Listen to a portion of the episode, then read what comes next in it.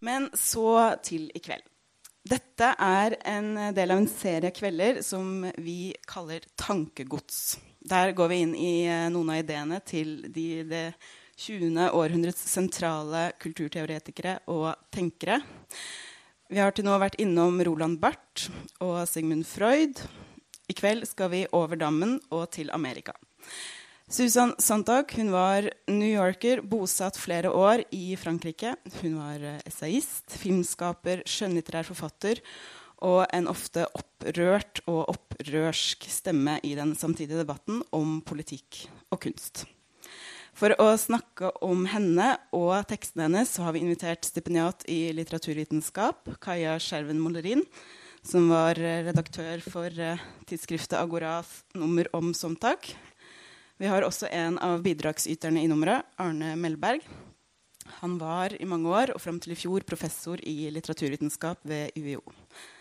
Til å lede samtalen er Karin Haugen, som er redaktør i Klassekampens bokmagasin. Vær så god.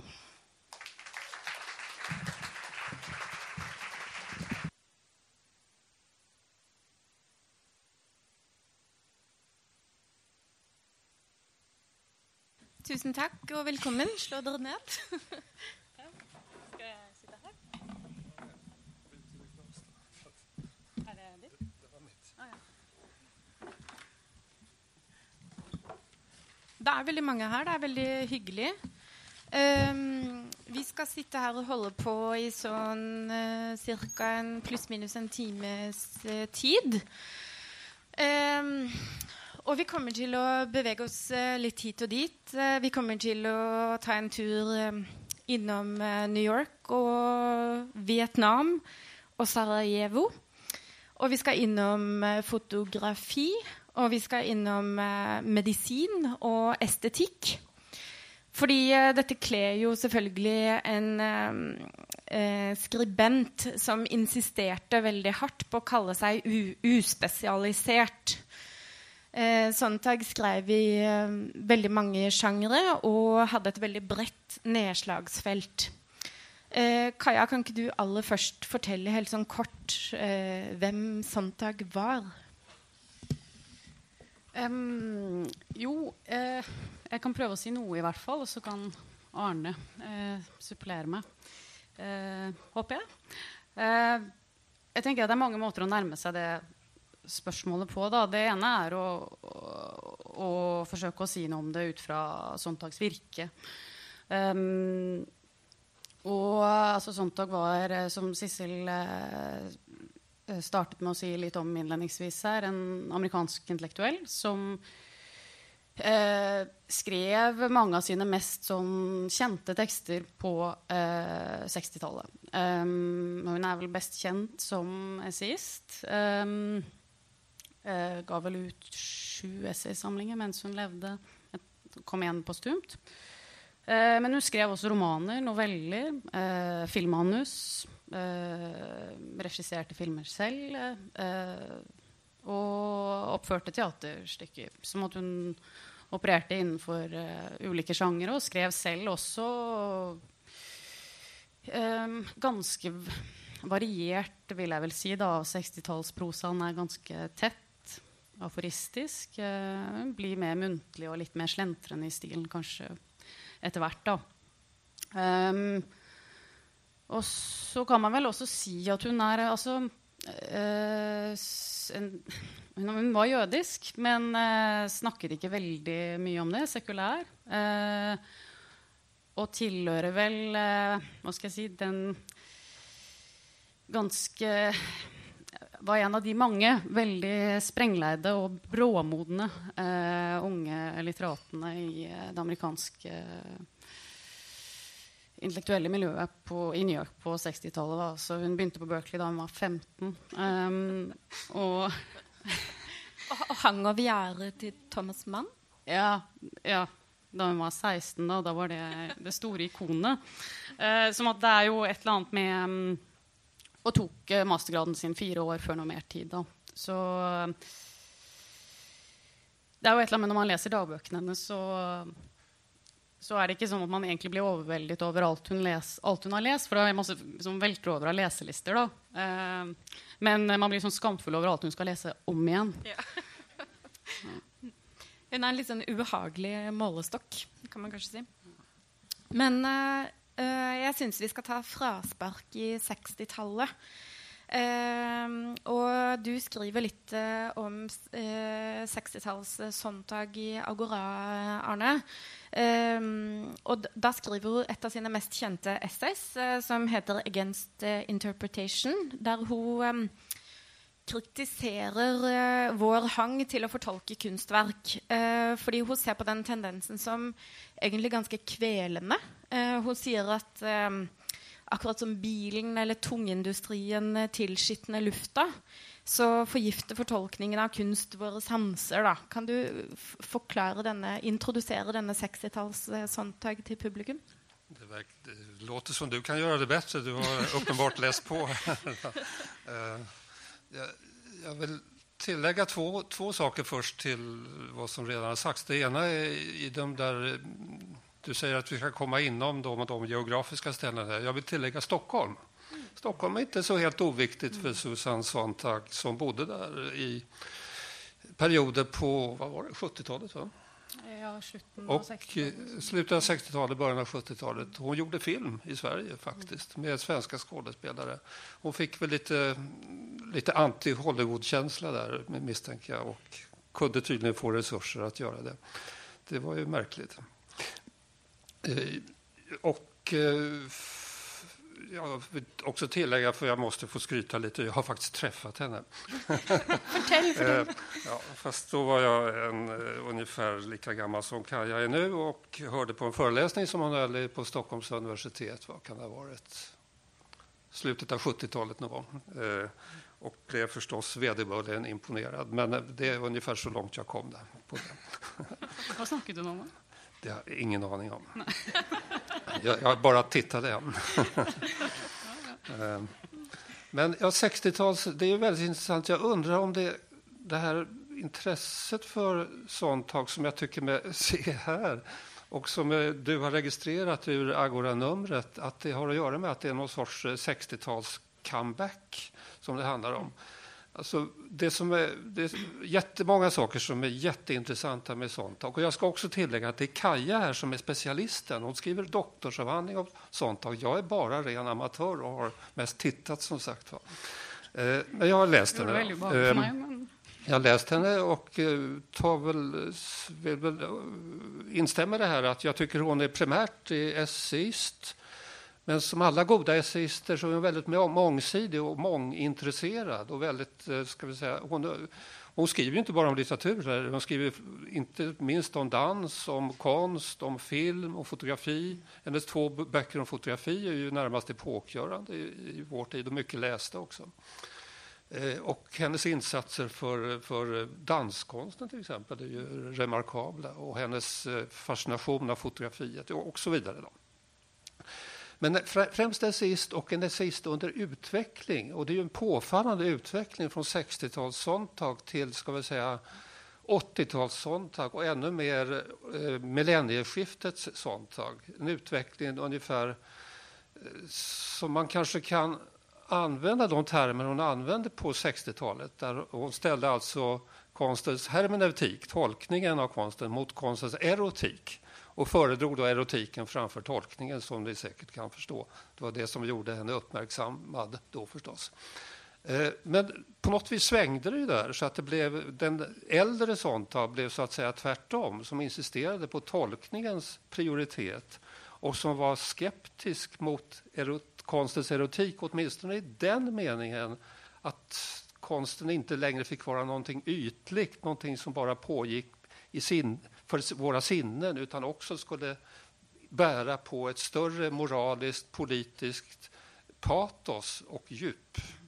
Överhuvudtaget en sorts eh, skillnad mellan yta och djup som jag tror ligger långt djupt förankrad i den amerikanska traditionen faktiskt eh, och som hon spelar fram med otrolig eh, svungfullhet och effektivitet på 60-talet. Och då är det ytan som så att säga premieras och prioriteras. Och kanske är det därför i vår våra dagars ytkultur som hon kan komma tillbaka igen. Men då har jag redan sagt en eh, sorts ska vi säga, historisk tes som vi kanske kan återvända till. Men det som gjorde henne populär på 60-talet, det som gjorde att ryktet nådde upp till Stockholm och så vidare, det var ju två saker. Det ena var erotiken och det andra var camp. Eh, och hennes, eh, hennes eh, essä om camp, där hon plötsligt upphöjde detta begrepp som dessförinnan betraktades som kitsch ungefär, eller och rättare sagt var ett nyckelord inom den homosexuella undergrundskulturen då, i, i New York. Att den, det, det slog an väldeliga och var spännande, sexigt och fascinerande på något lite spännande sätt. Då. Ja, 60-tal. Mm. Mm. Ja, Kaja, vil du si noe om 60-tallssøndag? Og kanskje forklare litt denne tanken hennes med dette slagordet hun, hun kommer med, da, som er mm. 'We need an erotics of, of art'. Hva legger hun i det? Ja, altså, jeg kan For å knytte litt, litt an til noe av det første du eh, startet med å sitere fra dette berømte essayet som da heter 'Against Interpretation'. Um, jeg tenker at Sontag i sin tenkning om kunst da står i en uh, bred forstand en dannelsestradisjon. altså en tanke, At hun målbærer en tanke om at kunsten har en helende kraft og en opplærende funksjon. Eh, og at det for Sontag har sammenheng med kunstens evne til å gjenopplive sansene. Um, og gjennom den gjenopplivningen av sansene så, um, så utvider også kunsten hva skal jeg si, området uh, for, vi, altså for, vår oppmerksomhet. Da, altså, hva, vi, hva, vi, hører, hva vi ser, hva vi får med oss. Altså hvordan vi er i verden. Da. Og jeg tenker at det er viktig uh, for Sontag å understreke at det er en sammenheng uh, mellom sanselighet og tilstedeværelse i verden. Um, og bakgrunnen for det er jo selvfølgelig en opplevelse av at um, vi lever i en verden uh, hvor man liksom bombarderes av inntrykk hele tiden. Og, uh, og hvor sansene faktisk sløves. Um, Uh, og man er på en måte havnet i en situasjon hvor man faktisk ikke lenger kan ta den sanselige erfaringen for gitt. Da. Og jeg tror det er en sånn viktig bakgrunn for det, for det essayet, som selvfølgelig er veldig polemisk eh, um, formulert. Um, men poenget hennes er jo selvfølgelig at heller ikke kunstkritikken kan ta den sanselige erfaringen for gitt. Og at når vi møter et kunstverk med å fortolke det, så hopper vi så å si over et ledd. Da. Altså at vi glemmer på en måte overflaten, det, det umiddelbare. Altså det første vi faktisk ser og hører og føler i møte med et kunstverk. Da. Altså selve kunstverkenes form. Um, og uh, det er vel liksom en del av tanken bak det, tror jeg. Jeg tror det er også viktig å understreke at at Sontag vet selvfølgelig også at en sanselig erfaring også er en fortolkning. Sant? Um, som at hun ser jo ikke egentlig en reell Eller sånn i dypet der så er det jo ikke en, en direkte motsetning mellom de uh, tingene. Men jeg tror hun er opptatt av å um, uh, fremheve den sanselige erfaringens uh, hva skal jeg si, liksom kognitive funksjon. Da. Altså at det faktisk er en måte å fortolke og nærme seg verden på som er vesentlig forskjellig fra en mer sånn fornuftsstyrt måte. Da. Uh, og det kom, dette skje, blir selvfølgelig skrevet i en tid hvor, uh, hvor um, uh, hun selv mener da, altså at den tida er veldig preget av på en måte fornuftens herredømme. Mm. Men nå undrer jeg om ikke du Kaja, så att säga, leser eller tenker 60-tals Sontag med 80- og 90-tals Sontag som fasit. Da. For at det som gjorde hennes succé på 60-talet eh, det var inte de här utmärkta sakerna du säger nu, utan det var tvärtom, att hon uppfattade som hon pläderade för den rena sinnligheten och den rena ytan och den rena eh, formen, så att säga. Inte för världsforståelsen eller for det kognitive eller for det hermeneutiske eller noe sånt. Ja, altså, men der er vi kanskje uenige, da. fordi mm. jeg mener nok at, at at altså Jeg er helt enig med deg at, at uh, det er stor forskjell på 60-tallshåndtak og 80-tallshåndtak. Mm. Men jeg tenker nok også at uh, de forskjellene har blitt altså litt overdrevet. da, At det faktisk ikke er så store motsetninger hele veien som altså helt, Jeg tror det gir, um, gir, mer mening å snakke om en utvikling i sånntaksforfatterskap enn sånne helt klare brudd. da, Og jeg tenker jo at f.eks. dette essayet som et av disse sentrale essayene som står i denne bysamlingen hennes. Altså 'Against Interpretation', og dette essayet som heter 'On Style'. Mm. Så ligger, tenker jeg at det ligger altså de, Tanken hennes der om, om, formens moral, tenker jeg jo at mm. um, uh, At utviser en opptatthet rundt uh, Eller en sånn opptatthet av, av moralspørsmål og av uh, kunstens virkning. Som på en måte handler om mer enn bare overflate. da. Jo da, og och det betonar hon ju själv när hon ser tilbake på sitt eh, författarskap. Då framhåller hon och ska vi säga, de moraliske kvaliteterna på det också som hun skrev på 60-talet. I was a barely closeted eh, moralist. Jag är moralist som nätt och jämt har kommet ut ur garderoben, skriver hon om sig selv på 60-talet. Ja, men det er, det er, jo også en samling altså, Det er jo interessant tenker jeg, om den samlingen. fordi den blir jo, den blir jo fremhevet som et sånn estetismens store sånn, uh, kampskrift, nærmest. Men det er jo faktisk en samling. Så hvis man går gjennom de essayene, så er det jo en samling hvor ord moral dukker opp i hvert eneste essay. Det er mye moral da, til en ren estet å være. Men en, en, sak som slo meg når jeg leste uh, 60-tallsessayene i svep faktisk for ikke så hemskt lenge siden, det var jo at Eh, en annen sak som er veldig påfallende, nemlig at hun er så interessert av den nye europeiske kulturen og det, det som oppfattes som det europeiske avantgardet på 60-tallet. Hun fungerer som introduktør av det europeiske i Amerika og omvendt fungerer hun som amerikansk røst i Europa. Då, så, att så hun går emellan her, hvilket også syns jeg er en essayistisk dygd att kunne veksle perspektiv eh, på det settet. Då. Man kanske har du klær på det? Kaja, man kanske skulle försöka säga någonting om hur det kan komma sig att hon kunde bli så framgångsrik. Tänk, ni sa att hon tog sina examina väldigt tidigt, men hon hade aldrig något jobb. Aldrig något akademiskt jobb, var aldrig knuten fast någonstans.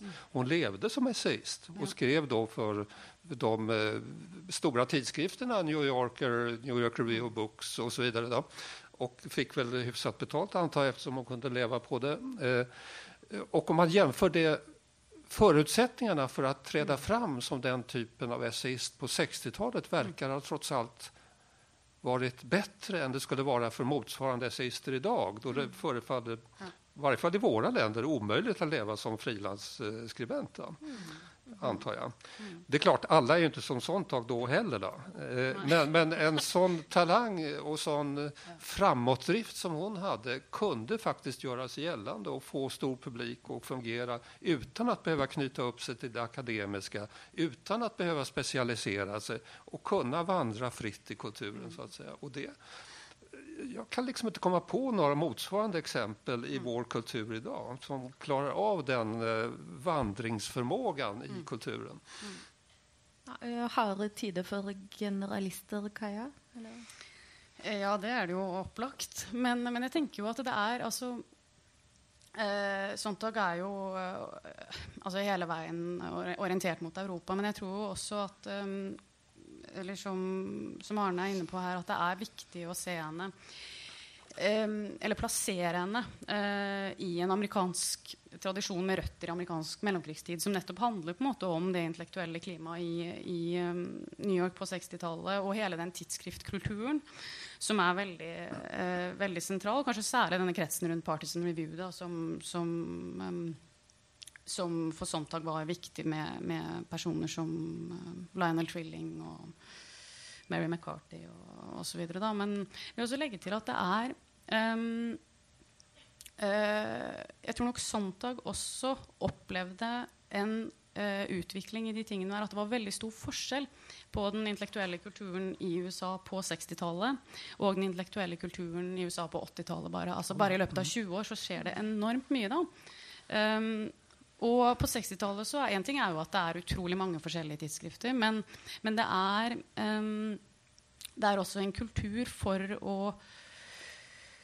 ja, for å anerkjenne nettopp generalister, for å lese, uh, lese generalister. Ikke bare fordi at uh, eller Det handler også om måte, henvendelsen da, som ligger i mange av disse skribentenes uh, tekster. Altså Hvis man leser ja, En ting er søndagstekster som faktisk av og til kan være ganske hva skal jeg si, kompliserte i resonnementene til, til, til, å henvende seg til en sånn interessert og opplyst og ikke nødvendigvis akademisk offentlighet. Da, men, men um, veldig mange av de som skriver i disse tidsskriftene, sk uh, har jo en, en, sånn egen åpenhet uh, i, i uh, måten å nærme seg temaer på som, som,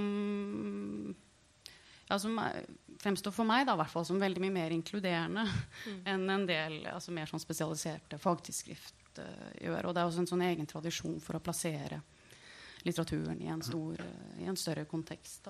Uh, og ikke fortape seg altfor mye i, i nærlesning, f.eks. Jeg, jeg syns vi skal um, uh, snakke litt om uh, fotobøkene hennes. fordi den nøster, For å nøste litt mer det med moral og estetikk.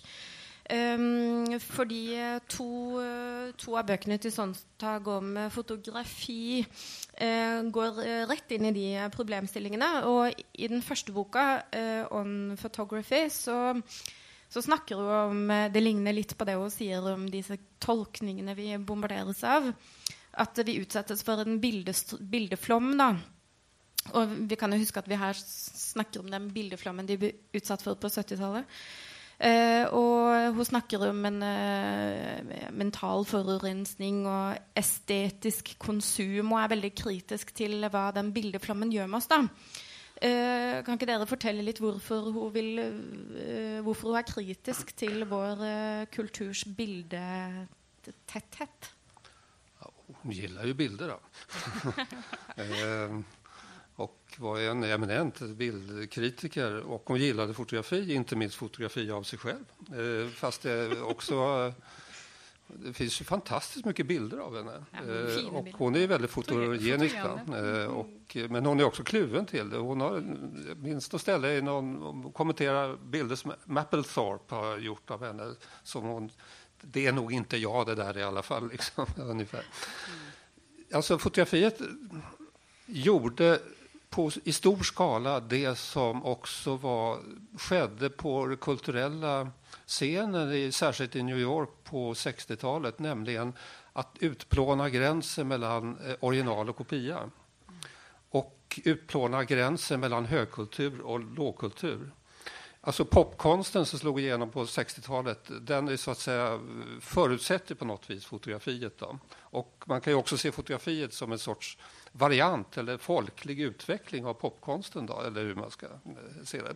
Så, och samtidigt tv, genom, tvns stora genombrott var ju också på 60-talet. Och den bildströmmen som sätter igång där, som då fortfarande, tror jag, på 60-talet kunde uppfattas som någonting spännande, någonting som var, så att säga, pekade ut nya intressanta områden för våra livserfarenheter men som ju vände väldigt fort i, i framåt 70 80-talet. Tredje stora händelsen naturligtvis är ju Vietnamkriget som ju av en helt annan karaktär som händelse betraktat men som ju också betydde en radikalisering av, av, av, av, av eh, det intellektuella livet också i Amerika men som också betydde att den ska vi säga, New York och Amerika hade blivit centrum för kulturen i stigande grad efter andra världskriget och med tyngdpunkt på 60-talet. Men det centrumet började gå, försvinna igen på 70 och 80-talet. Inte minst beroende på Amerikas politiska roll och Vietnamkriget inte minst. Så fotografiet så att säga sammanfattar mycket av de här eh, problematiken som eh, har bearbetar i sina allmänna konstbetraktelser om förhållandet mellan yta och djup, mellan eh, original och kopia och liknande. Den andra fotoboken däremot är ju mer politisk ingripande och diskuterande bok om hur man gestaltar och möjligheten att gestalta lidande i fotografi. Men det kanske spar lite, ja. om du vill säga något mer om fotoboken. Ja, eller kan bara lägga till, eller lite sån i förlängelsen av, av det du säger, att um og litt sånn i forlengelsen av det du sa med, med sanselighet altså, Jeg tror jo på en måte at, um, at det, er, det er sånn en viktig forutsetning for noe av det, en del av de tingene Sontag skriver i denne første um, fotoboka som kommer på slutten av 70-tallet, 77 er det vel, er jo på en måte at, at synet har fått så stor forrang eh, blant sansene våre at vi ikke egentlig lenger kan si at vi lever i en sånn mangesanselig verden, da, mener Sontag. Og, og, det er jo en sånn viktig argument uh, tenker jeg, i den boka at fotografiet har endret vår måte å se på. Um, og i det så tror jeg vel det er særlig kanskje to ting som er viktige. da, altså Det ene hun vil ha fram, er på en måte at, at, at, man i stadig større grad ser verden i fragmenter. Altså at, at bildene vi ser, er løsrevet fra sammenhengen de i utgangspunktet inngikk i. Um, og det andre er jo at, um, at vi ser uh, uten å lukte, uten å høre ofte. Um, uten å vite hvordan den verden vi ser på bildene, ville virket da, på vår egen kropp.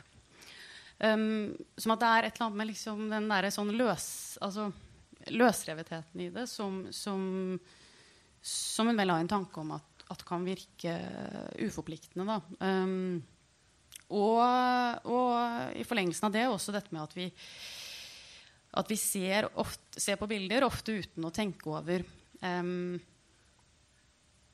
om, vi vil, om, vi vil, se på dem, eller om vi burde se på dem, eller om vi burde rette blikket et annet sted. Da. Altså at det er en eller annen form for sånn automatikk i, i, i måten vi ser på bilder på, som, som som kan virke passiviserende. Uh, det er vel mot slutten av den, det siste essayet at hun sier noe, tar til orde for at hun sier at det vi trenger, er en bildeøkologi. Uh, altså vi trenger på en måte å uh, vi trenger færre bilder, for da er det lettere for oss å forholde oss til det vi faktisk ser da, um, på, på um, de bildene. Og det er vel en del av det hun går altså Akkurat det siste går hun jo tilbake på i den, i den andre fotografiboka. Ja det, det pågikk jo liksom en dialog uh, med, mellan henne og uh, hennes gode venn Roland Barthes som dere har ja. presentert her. Og Barthes skrev jo også en bok om fotografi efter hennes uh, fotobok. Ja, året etter, var det noe sånt? Och, veldig, väldigt sånt, ja. veldig tett på. Og den, La Chambre Claire, Jeg mm. kommer ikke ihåg hva den heter på... Det lyser kammeret. Ja, just det. det og... Eh, men där tar han jo upp någonting som hon är väldigt diskret med i den första boken, men desto mer tar upp i den andra, nämligen fotografiet på något vis eh, ger dödsasso dödsassociationer. Och dessutom på ett väldigt privat och drabbande sätt. Då. Det gör ju Barth utifrån sin egen biografiske biografiska erfarenhet, men i alla fall. Det slår an någonting som hon sen knyter an till väldigt starkt i sin andra fotobok. Då. Mm. Og den eh, andre fotoboka som vi har referert litt til her, den kom jo da eh, på 2000-tallet og um, heter 'Regarding the Pain of Others' og er um, uh, ja, en betraktning over lidelse. Mm. Uh, men, uh, men, der utvikler hun også noen poenger som ligger i den første som også ligger i den første boka, da, som handler om at bilder kan være slående, og de kan berøre oss. og de kan sjokkere oss og ramme oss, men de kan ikke få oss til å forstå. Fordi at vi, For at vi skal forstå, så må det være en fortelling. Det må være noe verbalt, et, et narrativt et narrativ. da. Og, og, her er vi vel inne på den vendinga dere har snakka om at Sontag eh, foretar. Ja, nå er vi på den liksom siste Sontag, så å si. Mm. Det, eh, som jo blir alt mer politisk også jo lengre tiden går. Hun kände väl att det, hon måste säga någonting nu innan det är för sent. Men den är också en polemisk bok mot, mot eh, Virginia Woolfs eh, bilddiskussioner i Three Guinness från, där, hon, där Virginia Woolf diskuterar bilder från spanska inbördeskriget. Och eh, huvudpoängen är väl egentligen eh, melankolisk, vill jag påstå. Eh, nämligen att eh, hon tror inte bilderna kan förändra världen. Eh, det räcker inte. Eh, Virginia Woolf kunde ännu vara optimistisk, eh, menade Sontag i alla fall. Då. Medan det tillåter sig inte Sontag. Mm. Mm. Melankolsk? Ja, det tror jeg det er jeg veldig enig i.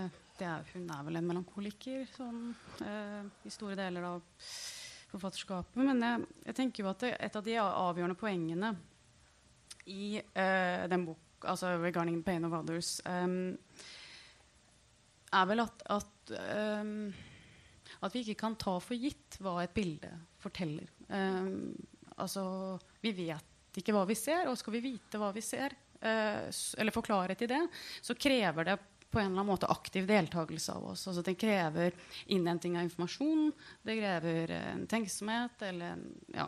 Tolkning. Tolkning, Nettopp tolkning. ja. Ja, mm. Og det er et eller annet um, Det er et eller annet med det, da, tenker jeg, som er jeg, jeg, jeg husker uh, første gang jeg leste den boka, så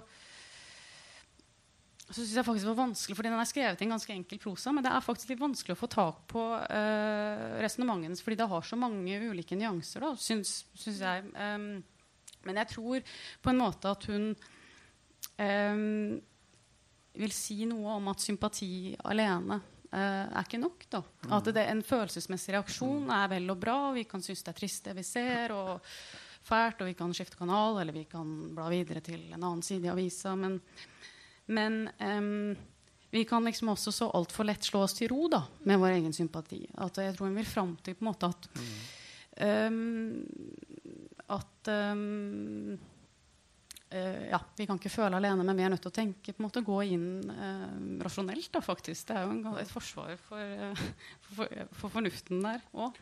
Det er jo linje med hennes, skal vi si, med hennes politiske holdning de siste årene av hennes liv. der hun jo insisterer på, så vidt jag förstår, att det, det räcker inte med att tycka rätt. Man måste också göra någonting. så att säga. Då. Även om det man kan göra är obetydligt eller lite eller bara symboliskt så ändå krävs det handling liksom, i, också i politiska frågor. Och, uh, det var ju en väldigt kraftig kritik hon utvecklar mot låt oss säga, det amerikanska vänster, den amerikanska vänstern för att de bara tycker och inte gör något. För, för att säga det väldigt enkelt. Då. Jeg syns vi skal være med på noe av den uh, mer aktivistiske retninga hennes litt seinere. Men uh, kanskje vi skal innom sykdomsbøkene hennes først. Mm. Fordi uh, de er også veldig viktige. og i 'Illness as Metaphor' så, så snakker Sontag om uh, igjen tolkning, da, vår tendens til å fylle sykdom med metaforer. Uh, hun skriver at eh, ingenting rammer den syke hardere enn å tillegge sykdommen en mening. En mening som alltid har sammenheng med moral. Og så utvikler hun et langt resonnement rundt dette. Da kan ikke du fortelle Kaja, hva slags tendens der hun, hun kritiserer? Det var et stort spørsmål, da. Uh, kan du starte, altså, det, er jo, det, er jo, to sykdomsbøker. da, eh, hvor Den ene altså, da kom på slutten av 70-tallet, som er den du nevner. Og så kom det en oppfør, slags oppfølger på 80-tallet, om aids. da. Um, og I denne første boka så hun om, konsentrerer hun seg om to forskjellige sykdommer. Uh, og to forskjellige sånn, metaforkretser, kan man si. da, så Hun skriver om tuberkulose uh, og kreft. Um, og jeg må jo si da at En del av foranledningen for boka, boka er jo en, en, personlig, en personlig, erfaring. altså Sontag var vel ja, begynnelsen av 40-årene, 42, tror jeg. Og, og, hadde fått brystkreft med, med 10 sjanse til å overleve. Eh, og det var vel eh, bare hennes egne sånn iherdige insisteringer på, på, å få de operasjonene hun skulle ha, som altså, gikk gjennom mange operasjoner. Uh, som, som, gjorde at hun, uh, at hun faktisk overlevde. da Cellegiftkur på hvert fall, hvert fall 30 måneder. tror jeg. Det skriver hun ikke om, da. Det skriver hun ingenting om. ikke sant? Uh, det kommer ikke fram i mm. boka. Man må lete seg fram til ellers. da, men, men, det som jo kommer fram, er at mm. den boka er skrevet i et rush. Mm. Og så syns jeg stilistisk, stilistisk, at det er en eller annen form for sånn der, veldig Og den er, den er, skrevet på veldig kort tid på det hun vel selv trodde skulle være, bli sitt eget dødsleie. da, så Um, men det hun er opptatt av, da, tenker jeg, uh, i den boka, er jo på en måte at sykdom i vår kultur ikke bare er sykdom, men at sykdommen også skaper hva skal jeg si, sånn metaforer og myter. Uh, og at, at man f.eks. snakker om snakker om aids i et språk eh, som eh, er i stor grad hentet fra, fra sånn, altså militærspråket. Altså man snakker om, bruker ord som invasjon, f.eks.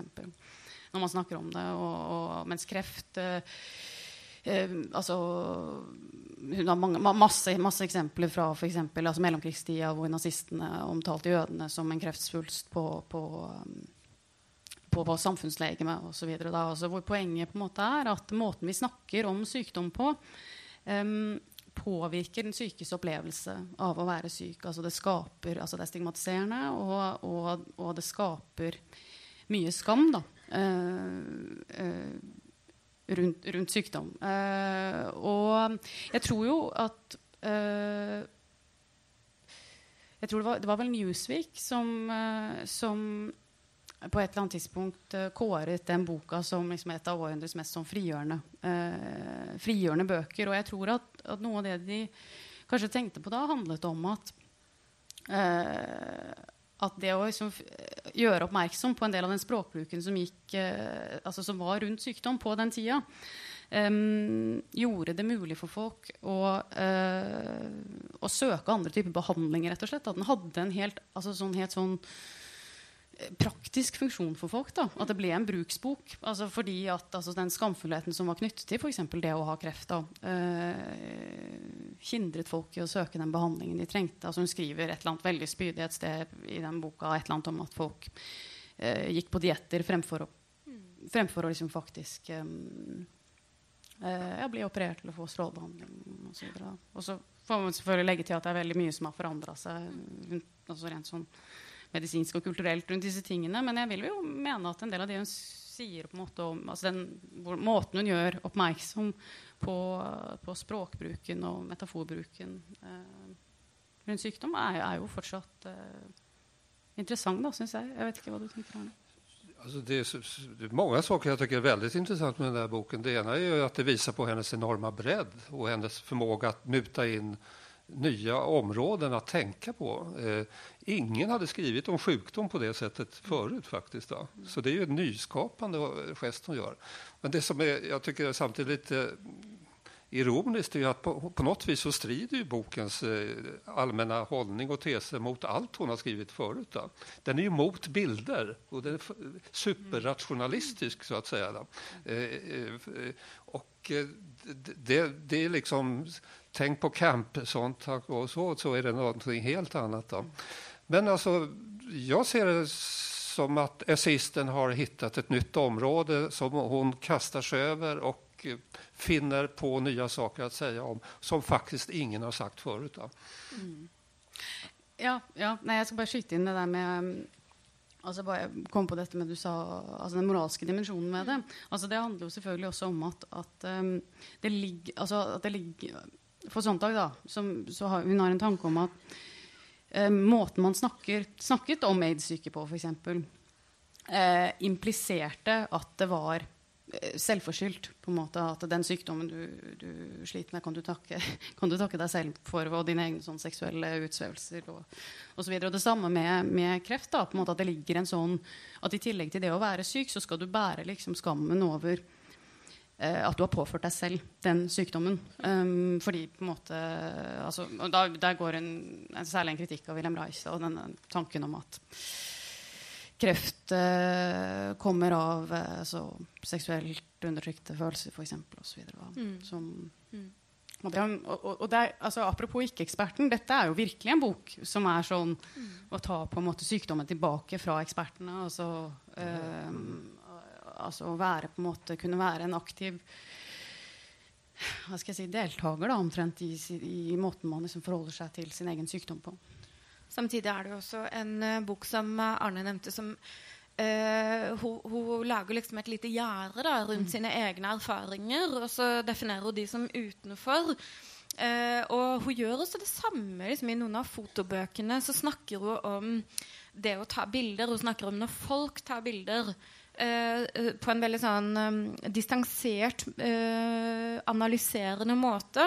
Hvordan turister tar bilder, hvordan familier tar bilder, hvordan folk tar bilder.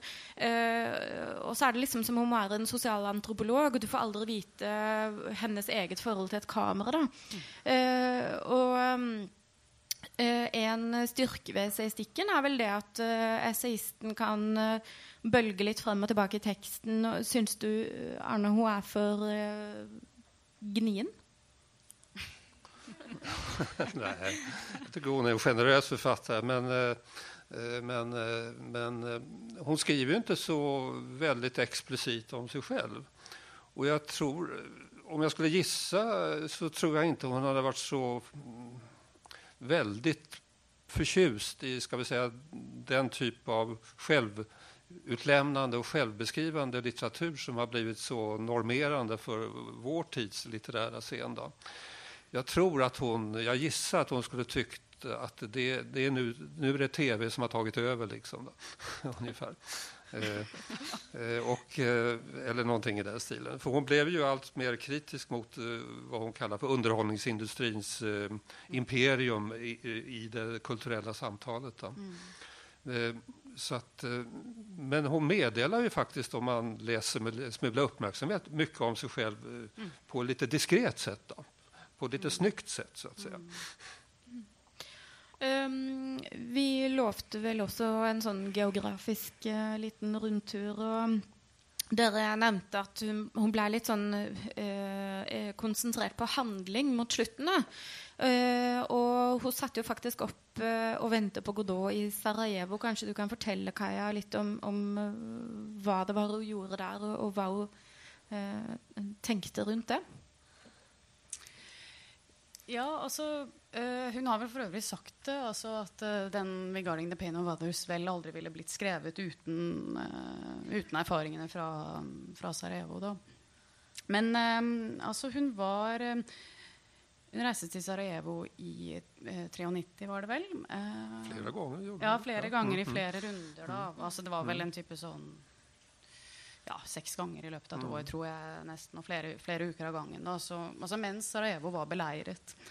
Um, og uh, satt uh, Altså var blitt bedt om å sette opp et uh, teaterstykke med lokale skuespillere. Um, og satt Og bestemte seg da for å sette opp 'Waiting for Godot'. Uh, som selvfølgelig da hadde uh, en uh, Eller selvfølgelig, sier jeg, men det hadde en, en politisk dimensjon. da, altså Sondag skriver selv i dette essayet som heter 'Waiting for Godot in Sarajevo', som er oversatt ved dette Agora-nummeret. Så skriver hun selv at klangbunnen var 'Waiting for Clinton'. Altså venta på um, inngripen, da. som gjorde henne veldig kontroversiell på, på, på venstresida. Det är ju en ockupationspjäs. Ja, ja, ja, ja, på mange ja, sett. Ja, det er jo det. det, er jo det. Mm. Og det, og det hun beskriver i, den, um, i DC, er jo altså virkelig et sånt, uh, et okkupi, en okkupert by. Altså mm. sånn uh, Forholdet til uh, mm. altså, altså, underernærte skuespillere og, og ingen rekvisitter. og de risikerer livet i vannkø. Og, ja, ja som, og hvor folk faktisk faller fra da, og blir drept. bekjente. og og så videre, da. Så um, Hun bruker jo uh, store deler av um, altså, begynnelsen av essayet til å, å, forsvare at hun er der og gjør det. Mm. Uh, og at de har behov for kultur, og at, de har behov, at det finnes en uh, At de vil ha det. Hun kommer ikke der som en sånn kulturmisjonær. Budskapet er jo at hun vil, vil si at hun gjør det hun, hun kan gjøre. Mm. Uh, hon, hon, vet ju lika väl som alla andra att hon får inte slut på kriget genom, genom, och, genom eh, den, den, denna teaterföreställning. Men hon gör det hon, hon, kan göra och det blir också en gest åt hemmapubliken naturligtvis. Mm. Ja, så det er jo et, altså jeg vil jo kanskje si at det er vel, eh, det er vel et av Sontags mest sånn harmdirrende SS på, på grensen ja, til, til, moraliserende, mm. må man vel nesten si, da. Um, og det er jo en eller annen sånn um, altså Øyvind Berg skriver en kort introduksjonstekst um, til, den, til DC um, i det Agran-nummeret, og der skriver han Uh, at uh, Det er vel som at den plassen foran nasjonal, det, Nationaltheatret i Sarajevo fortsatt heter uh, Susan Sontags plass. Da, som at det er jo helt sånn Selv om veldig mange intellektuelle og altså anklaget henne for en eller annen form for sånn opportunisme eller liksom At nå passet det å, å liksom gjøre det riktige. Um, så, så, så, er det helt åpenbart at at for befolkningen i Sarajevo på det tidspunktet så, så, så, var det jo en måte å få oppmerksomhet på. Men skal man se det ur essayistens utvikling, så er det jo noe fantastisk som har hendt. Altså, den antimoralisten Sontag eh, Camp-Susan fra 60-tallet han har blivit den store världsmoralisten som taler om for oss hvordan vi egentlig bör oppføre oss. Då. Men det er klart at det, det, som du har sagt, det låg liksom latent hos henne eh, på, redan på 60-talet. Eh, men, och man kan väl nästan säga att det är världens egna händelser, krigen, Vietnamkriget först och sen de andra krigen som har lockat fram den här sidan hos henne tydligare. Plus att hon, som hon själv betonar, tv, underhållningsindustrin, det som gör att vi måste vi intellektuella, vi, du og jeg, vi måste tenke på att föra intelligenta samtal mens det fortfarande er mulig. Mm, ja, ja. Tror, men det er også en annen eh, utvikling der som er ganske interessant. Da, når man ser, altså hvis man ser på de ulike sånne der, eh, altså politiske engasjementene til, eh, til Sontag. Da, altså, eh, du har jo nevnt Vietnamkrigen flere ganger, Arne. Og, og hun, hun var, jo, var, jo, i Vietnam under Vietnamkrigen, altså i 68 og skrev dette merkelige essayet som heter 'Trip Hanoi'. Og, og var vel fem år seinere var hun i Israel under Jom Kippur-krigen for å og laget en dokumentar uh, om, uh, om, den krigen. Da. Men det, hvis man ser Det er en utvikling i forhold til uh, altså, graden av egen deltakelse. Altså, både i Vietnam og i, i Israel så er det som om hun Eh, sitter litt på sidelinja og mer, mer er en betrakter, da. Eh, og er litt sånn ikke helt til stede i, i, sitt eget engasjement, så å si. da. Mens um, i Sarajevo er det virkelig et, uh, noe helt annet på spill. Det er litt sånn, Da går hun uh, fullt og helt inn. Hun sier vel at uh, altså hun hadde vært der tidligere den våren, og så når hun drar tilbake for å sette opp det stykket, så sier hun at uh, hun visste at hvis hun skulle tilbake, så måtte det være i en helt annen form. Jeg kunne ikke nok en gang nøye meg med å være et vitne. Hun, hun, skulle agere, da. Men uh, hvordan passer det inn i bildet av en um, uh, essayist med den, den og regarding the pain of others sin liksom, moralske trykk? Det passer dårlig inn, syns jeg. I den meningen at essayistens privilegium er å betrakte og kommentere fra sidelinjen, så å si. Og mye riktig riktigt så blir hun jo, som du sa, moralist, eller i hvert fall på, på, vei väg grensen gränsen til moralist. Og moralism har passat dårlig inn i essayistiken, syns jeg. Mm. Hva syns du, Kaja? Jo, jeg er nok et stykke på vei uh, enig. da. Jeg tenker jo at uh, de Sarajevo-essayene nok ikke er de sterkeste sånn rent uh, litterært. da. Samtidig så har nok jeg en veldig sånn Jeg blir berørt av det engasjementet. da. Um, alltså jag förkastar absolut inte det nej. engagemanget. Absolut. Men nej. om man ser på essayistens mm. utveckling så blir det på något vis at hun anstrenger sine egne grenser. Da. Mm. Ja, og så er det akkurat som det også ligger en sånn der utrolig uh, Hva skal jeg si En sånn veldig lengsel etter et, et alvor, da, også mm. i, i, i uh, i den offentlige samtalen. på en måte. Jeg tenker, altså, ja, apropos Wolf og Three Guinness. Altså, hun omtalte jo eh, Balkankrigen som på en måte, vår tids spanske borgerkrig. Mm. Eh, og det tenker jeg jo også ikke bare var for å på en måte, løfte fram en historisk parallell, men også fordi at den spanske borgerkrigen nettopp var en krig som fikk de intellektuelle til altså Orwell reiste jo, Simon Weil var der. Altså, det var jo på en måte en krig som mm. intellektuelle nettopp sluttet seg Altså samlet sånn rekkene rundt? Deltakelsestrigger da, i den ja. som man ikke hadde der. Uh. Ja. Men altså, hun vender jo også tilbake til bildene. da. Eh, bilder og distanse og eh, bilder som berører eh, eh etter å ha vært i Sarajevo. Mm. Eh, fordi skri Hun skriver at dette er det første europeiske folkemordet som har blitt overvåka av verdenspressen og dokumentert på TV. Uh, uh, og hun har mange ganger i løpet av sin essens vært innom bildenes evne til å bevege oss til handling eller uh, forståelse. Da. men nå sier hun at fram til det bosniske folkemordet kunne man ha trodd at hvis historien nådde ut, ville verden gjøre noe. Mediedekning av folkemordet i Bosnia har gjort ende på den illusjonen. Så hun føler jo at dette på en måte avslører et eller annet uh, ve veldig nytt og endelig da, om vårt forhold til uh, bilder og engasjement og deltakelse. Ja, skal man peke ut en skurk, så er det TV. Eh, altså, det, eh, det TV har, har, har, gjort at vi ikke lenger er kjenslige for bilder. Eh, Nå refererer jeg hva jeg tror er hennes oppfatning. her. ja. mm, mm. Ja, jeg tror også det, det, stemmer. Og TV er jo liksom nøkkelen til på en måte hva skal jeg si, eller sånn barometer på Sontags eh, sånn samtidighet eller ikke. holdt jeg på å si. Altså, Camille Paglia mente jo at det var sånn syntes hun var så hårreisende at Sontag faktisk ikke hadde TV hjemme.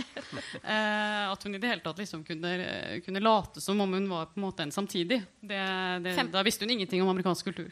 15 000 bøker og ingen TV, var det ikke ja. sånn? Ja. ja. Hun hadde PC. Ja. ja, det er en gammel en. Ja, ja, skrev hun vel sikkert bare på. Jo, men hun var snabbt opp på nettet når det kom. Mm. Mm.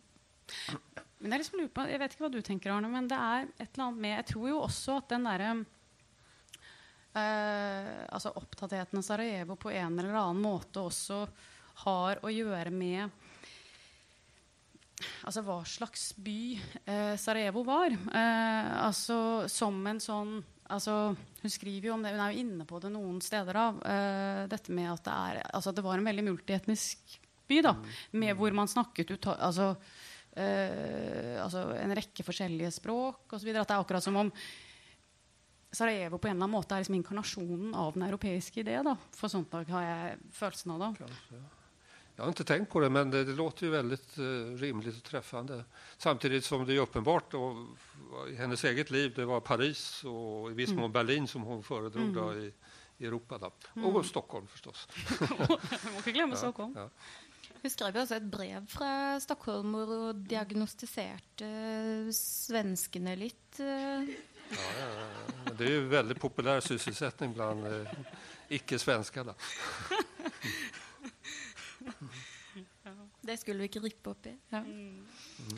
Uh, men um, uh, jeg vet at du uh, er opptatt av erindring og, og minnerne. Og jeg, um, Sontag har sagt at um, Det er bare i 'Regarding the Pain of Others' om fotografier og uretter som er blitt begått så skriver hun at uh, kanskje vi legger altfor mye vekt på minne og altfor lite vekt på tenkning.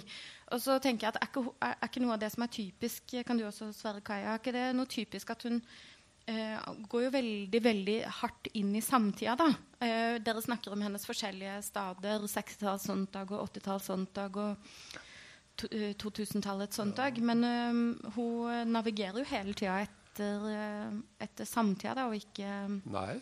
Eh, romanerna gör inte det. Nej, det Nej.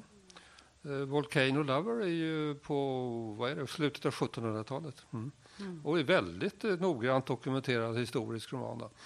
Eh, jag tycker att den är bäst i sina essayistiska partier, då, men i alla fall. Då, eh, så, så hon, där slår hon så lös i historien. Mm. Historie og samtid, Kajan. Kaja? Ja.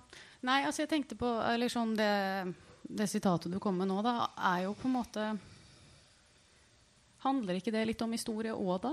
Uh, altså, jeg tenker at Det er jo en ganske modig ting å si. da. Hun sier noe sånt som at at, uh, at erindring nærmest sånn automatisk har en moralsk dimensjon. Da, at det er riktig å, å, å huske. Riktig å huske all, all, all urett som er blitt begått, osv.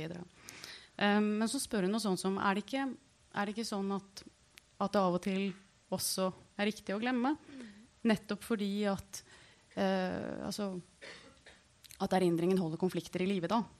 Altså at skal man på en måte kunne Skal man kunne gå videre, eller skal man kunne på en måte skape et samfunn som, som, eller, som er mer fredfullt enn det som var, osv., så, så er kanskje forutsetningen at man faktisk også må glemme litt. Hun var ikke helt ubekjent med Nietzsche, som jo som bekant sa at om man ikke klarer av å glemme, kan man ikke heller klare av å leve. Mm. Um, vi skal ta oss og runde av, men uh, jeg uh, føler vi må ha litt sånn happy ending. Um, med å, for nå har vi snakka veldig mye om en sånn moralsk, uh, streng, sprenglærd intellektuell. og jeg er ikke sikker på om vi helt har fått fram hvor, hvor morsomt det kan være å lese henne. da Uh, og, og, stilen hennes og, altså, Vi snakker, har sagt at hun hun er ikke personlig privat, men um, uh, vi har kanskje fått henne til å høres litt sånn streng og kantet ut. Um, og hun er jo også morsom, f.eks. Syrlig og, og, og uh, kjip i den beste forstand. Um, Andy Warhol for eksempel, beskriver henne som the high priest of the delights of apathy. Eh, hva, kan dere si noe til slutt om liksom, hva dere syns om stilen hennes og måten hun skriver på, og hvorfor det er morsomt å lese henne? Uh, altså, ja, for det første, sprengler tykker jeg ikke passer noe videre, som du sa. Uh, hun er absolut aldri akademisk. da, uh, i, og spränglärd i den betydelsen.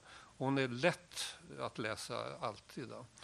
Men hon är också noggrann med stoffet eh, och tar gärna med sig en stor, mycket lärdom och så vidare, men alltid på ett eh, smart sätt så att det går rakt in så att säga. Men jag kan bara konstatera att hon eh, tillhör de ytterst få kritiker från 60-talet och framåt som man fortfarande läser.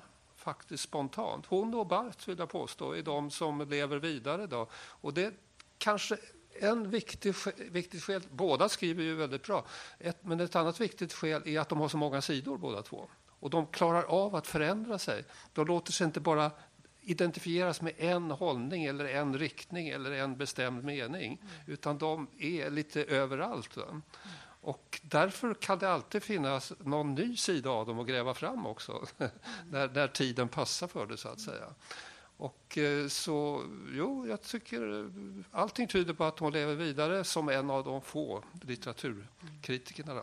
Och ikke bare litteraturkritiker, men så. Kaja, hva er det med sånt, takk? Eh, nei, jeg må slutte meg til det Arne sier her. Og så vil jeg jo si da at for meg så er hun en, en, en kritiker som alltid skriver med veldig stort mot. da. Jeg syns uh, altså måten hun uh, turnerer ulike problemstillinger på, er Altså den entusiasmen hun gjør det med, er ekstremt smittende. Um, og jeg syns jo også at hun har um, Altså det jeg mener med mot, vel, handler vel kanskje av og til om at, at hun har en sånn evne til å formulere problemstillinger som hun ikke alltid uh, vet hele svaret på.